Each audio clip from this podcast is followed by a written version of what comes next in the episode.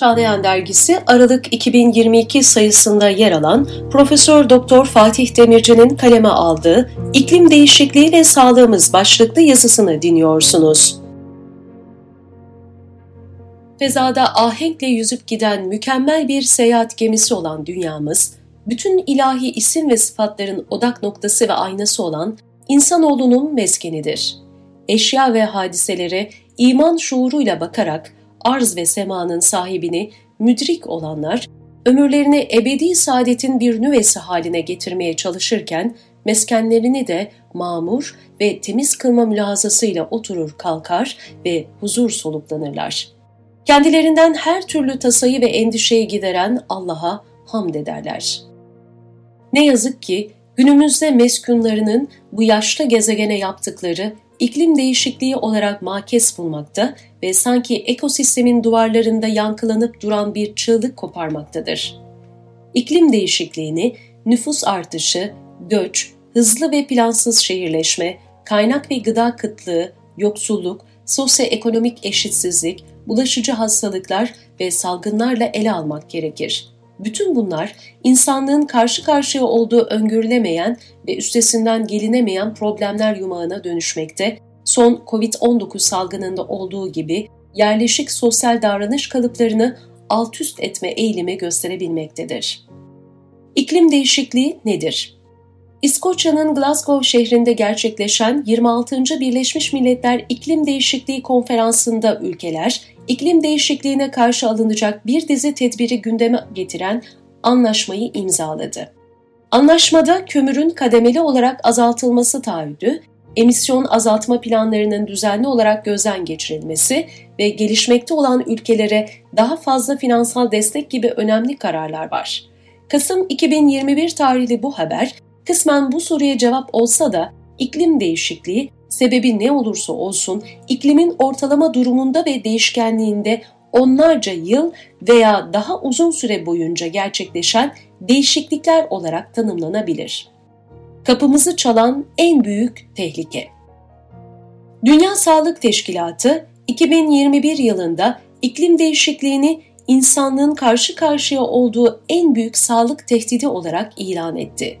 İklim değişikliği ve artan karbondioksit salınımı miktarı aşırı ısı artışına, çevre tahribatına, su ve yiyecek tedarikinde zorluklara sebep olmaktadır. Sera gazlarının asıl kaynağı olan fosil yakıtlarının kullanılması, hava kirliliğine ve buna bağlı erken ölümlere yol açmaktadır.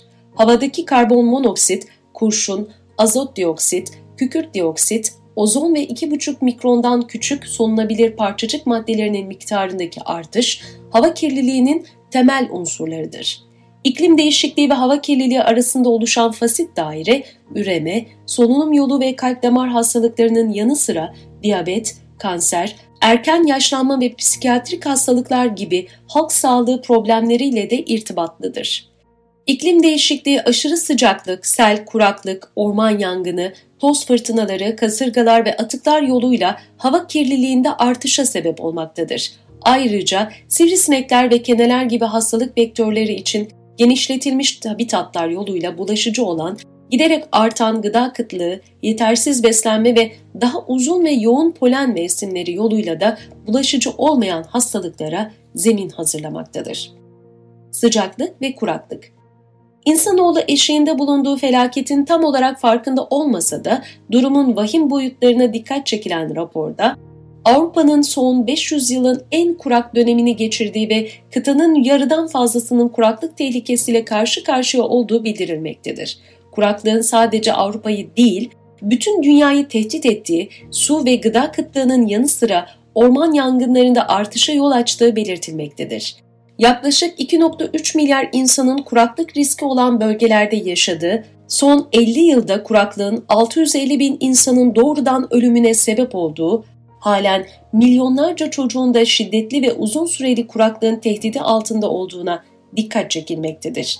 Ayrıca önümüzdeki 50 yıl içinde insan kaynaklı iklim değişikliğinin bir sonucu olarak yaklaşık 3.5 milyar insanın dayanılmaz bir sıcaklıkla karşı karşıya kalabileceği tahmin edilmektedir. Bu yüzden kuraklık kronik yoksulluk, savaş veya kaosun hakim olduğu bölge veya ülkelerden daha ılıman coğrafyalara küresel göçlerin olacağından endişe edilmektedir. Deniz ekosistemlerine tesiri ve okyanus kirliliği Deniz ortamlarının kalitesi de halk sağlığını korumada esastır.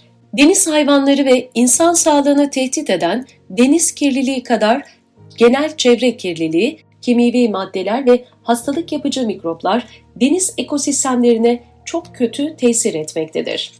Küresel iklim değişikliği de bu ekosistemleri olumsuz etkilemekte, petrol esaslı kirleticiler, oksijen üreten canlılarda fotosentez azalmasına sebep olmaktadır. Denizlerde artan karbondioksit emilimi, asitleşmeye sebep olarak mercan resiflerini olumsuz etkilemekte, kabuklu deniz hayvanlarının gelişimini bozulmakta, deniz besin ağı tabanındaki kalsiyum ihtiva eden mikroorganizmalar çözülmekte ve kirletici kaynaklı toksik tesirler giderek artmaktadır. Bu arada okyanus ortasındaki büyük girdaplarda birikerek deniz memelileri, balıklar ve deniz kuşlarını tehdit eden plastik kirliliği, insanlar tarafından tüketilen türler dahil pek çok deniz organizmalarının dokularına girebilen mikro ve nanoplastik parçacıklara ayrışmaktadır.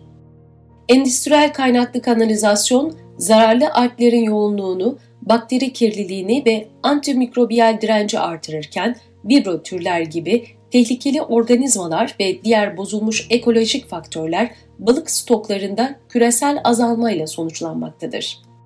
Hava kirliliğinin tesirleri İklim değişikliği öncelikle sağlığın üç temel direği olan beslenme, barınma ve suya erişimi riske atmaktadır. Afetler, ekinleri ve insanların evlerini yok etmekte, güvenli su kaynaklarını kirletmektedir. Böylece yetersiz beslenme ve su kaynaklı hastalıklar ortaya çıkmakta, dünyada her yıl iklim değişikliğine bağlı 12.6 milyon önlenebilir ölüm görülmektedir. Bu ölümlerin yarıdan fazlası hava kirliliği sonucu meydana geldiğinden iklim değişikliği ile hava kirliliği ve çevreden maruz kalınan diğer faktörler arasında münasebet olduğu aşikardır.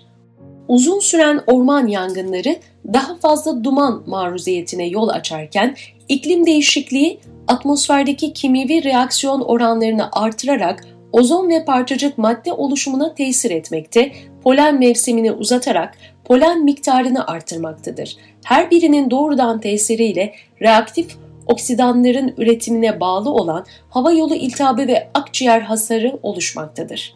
Ortamdaki ozon ve alveoller, akciğer keseciklerindeki mikropları yiyen immün sistem hücrelerinde, makrofajlardaki parçacık maddelerinin kronik birikimi, bozulmuş fagositoz, mikrobu yeme, oksidatif stres ve zayıf mukosilyer clarines hava yollarının süpürüp temizlenmesi hava yollarında iltihabı tetiklemektedir.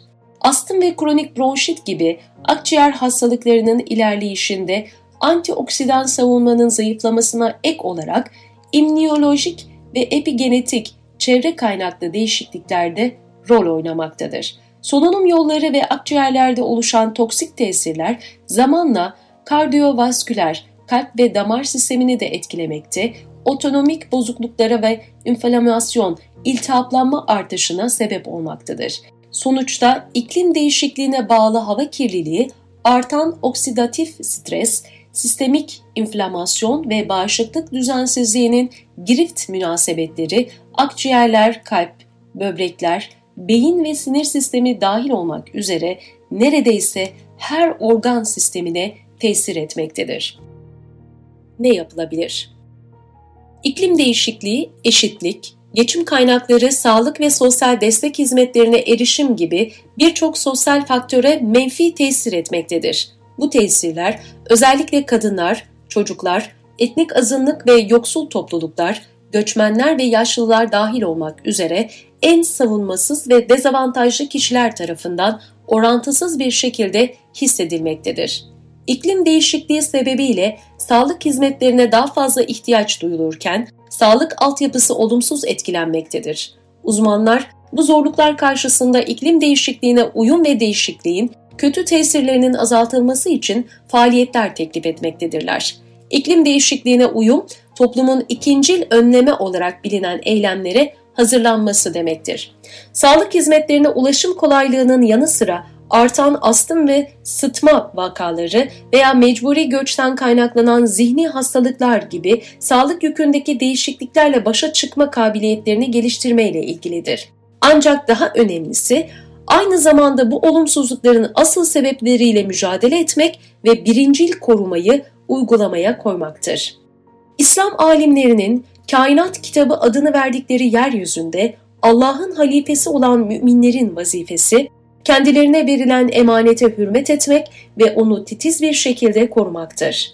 Allah Resulü'nün Medine'yi ağaçlandırması, yeşil alanları, ormanları ve hayvanları koruma altına alması, böylece bir milli parkın içinde olduğu site oluşturması çevreciler tarafından çok iyi okunmalıdır. Zira iklim değişikliğine karşı ormanlaştırmanın çok müessir bir tedbir olduğu ormanların sera gazlarının tesirini üçte iki oranında azaltabileceği vurgulanmaktadır.